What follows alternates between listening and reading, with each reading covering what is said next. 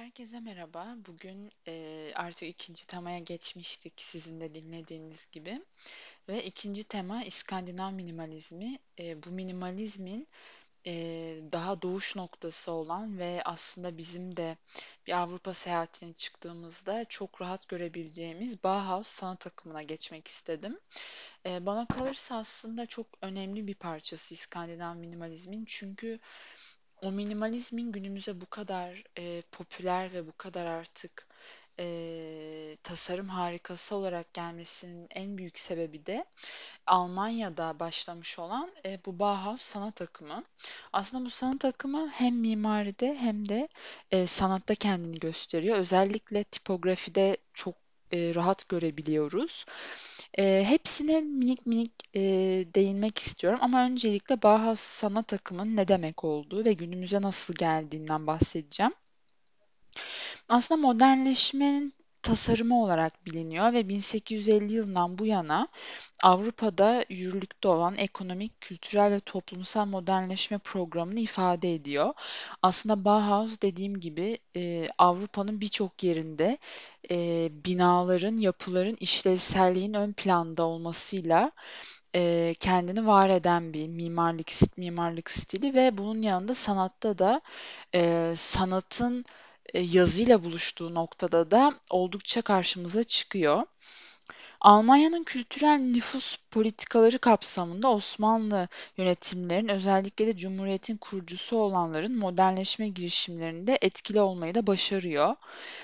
Ee, ve birçok kişi Bauhaus sanat akımı nedir gibi bir soru sorduğunda da aslında sanayileşme atılımında sanatın birleşmesiyle bu politikaların hepsinde eğitim reformlarıyla da birlikte e, Bauhaus sanat akımının katkısını görüyoruz. Aslında Avrupa'ya o dönem e, özellikle sanayi devriminden sonra e, büyük bir kalkınma ve modernleşme, e, reforma gitme gibi şehirleşmenin de çok e, net değişiklikler olduğu için baktığımızda sokaklara, binalara e, kendini çok rahat gösteren bir e, sanat akımı diyebiliriz.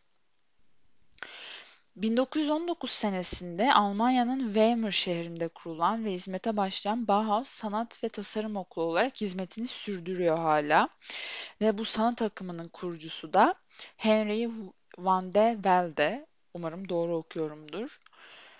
Ee, ve aslında 1932 ve 33 yıllarında da Almanya'nın en büyük şehirlerinden biri olan Berlin'de hizmet vermeye devam ediyor. E, fakat 1933'te Hitler Bauhaus Sanat Akımı Okulu'nu kapatıyor. E, ve bunun akabinde ise mimari etkili olan sanat akımı endüstriyel tasarım ve şehir planlama konularında da yenilikler getiriyor. E, şu an en çok aslında vazo tasarımı, e, mobilya tasarımında da evimize bir eşya aldığımızda e, çok rahat görebiliyoruz. Hatta sizlerin gözünde rahat canlanması için şöyle bir örnek vereyim. Hastaneye gittiğinizde hastane koridorlarında belki defalarca oturduğunuz e, sandalye tipi de aslında Bauhaus e, mimari stilinin büyük bir parçası.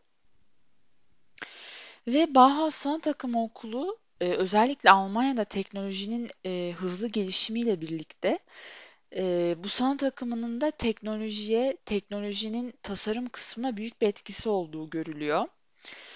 Ve Birinci Dünya Savaşı'ndan sonra yeni dünyaya yeni bir bakış açısı katıyor. Endüstri, sanat ve zanaat birleşmesini yaratmaya çalışıyor. Ve aslında e, bu üç birleşmenin sağlamasının en önemli yolu tabii ki bu sanat akımı okulunun modernist çizgiyi devam ettirmesi. E, ve daha sonra aslında bu sanat okulunun fonksiyonel e, kısımlara daha çok yatkın olduğunu ve bir tasarımın, e, bir mimari parçanın fonksiyonelliğinin hep ön plana çıkarıldığını görüyoruz. Çünkü ona göre Bauhaus sanat akımına göre ressamlık, mimarlık, zanaatkarlık ve heykeltıraşlık iç içe olmalı ve sanatçıyı zanaatkarın en yücesi olarak göstermeliydi ve tabii ki bu yapılan herhangi bir mobilya olsun, bir sanat eseri olsun her zaman bir işlev olması ön plana çıkıyordu.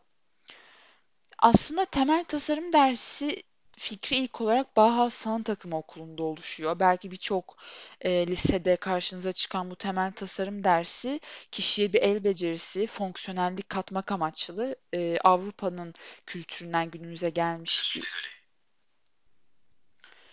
e, aslında bu temel tasarım dersi fikri ilk olarak Bauhaus Sanat Akımı Okulu'nda oluşuyor. Belki lisede de karşınıza çıkmıştır. Bu dersi belki e, tasarım okuyorsanız daha önce e, birçok kere almışsınızdır. Ve nesnel yaklaşımı kendine temel alıyor. Nesnel yaklaşım aslında fonksiyonelizmi de e, ister istemez doğuruyor. Her eşyada, her mobilyada işe yarayıp yaramadığının e, defalarca e, denemesi yapılıyor ve ona göre bir sanat perspektifi çiziliyor. Ve aslında Bauhaus Sanat Akımı Okulu kapatıldıktan sonra öğretmenlerin geneli de Amerika'ya gidiyor. Aslında minimalizmin e, Avrupa'dan sonra hani tarihçesine baktığımızda günümüzde de bir o kadar popüler olmasının çıkış noktası Amerika ve Amerika'daki tasarımlar. E, biraz mimarlık kısmına baktığımızda ise aslında e, Adolf Mayer tarafından e, bu sanat ok- sanat akımı okulunun mimarlığı nasıl şekillendirdiğini görüyoruz. E, bu sanat akımı okulu workshoplarını Gropius ofisinde gerçekleştiriyor ve burada aslında e, bir mimarlık stili yaratılıyor. Yeni bir mimarlık stili ortaya çıkıyor. Ve 1927 yılında Walter Gropius Mayer'in mimarlık bölümünün başına geçiyor e, şehir tasarımı, yapı tasarım, planlama ve teknik ressam, ressamlığın tamamının bir arada olduğu temel bir eğitim sistemi geliştiriyor.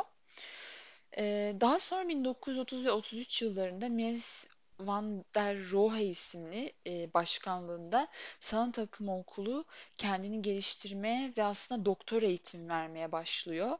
Ve mimarlığın aslında bu kadar basit bir ders, bu kadar basit bir bölüm olmadığı, e, aslında bunun da bir araştırma nesnesi olarak görülmesi gerektiği üstüne epey bir Aslında fikir ben bu yürütüyor. podcast'i çekiyor olsaydım e, 2019'a ışınlanmak isterdim. Çünkü e, Bauhaus stil akımının e, 2019'da tam olarak 100. senesiydi ve birçok tasarımla ilgilenen, e, bunu mimarda mimaride kullanan birçok e, mimar da aslında bu seneyi dolu dolu kutladı. Çünkü hem mimaride hem sanatta e, günümüze o modernleşmeyi, o sanattaki çılgın ekspresyonizm e, ak- reformunu çok güzel gösteren bir sanat akımı kendisi.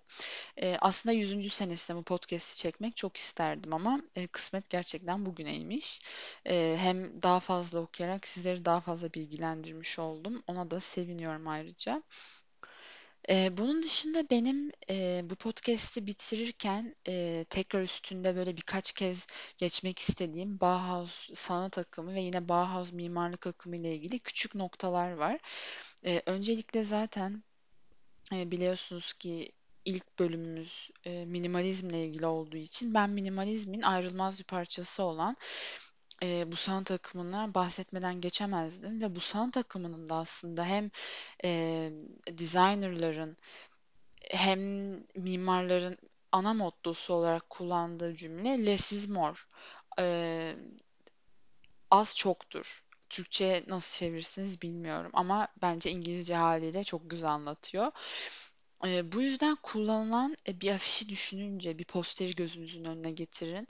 Ee, büyük harfler, e, çok alakasız rakamlar, ama orada aslında bir mesaj vermeye çalışan renkler tamamen Bauhaus e, stilinin bir parçası. Çok fazla belki detay görmeyebilirsiniz o afişte, o posterde ama 2-3 kullanılan renk konuya o kadar e, güzel içine yedirilmiştir ki tam olarak konuyu size anlatır.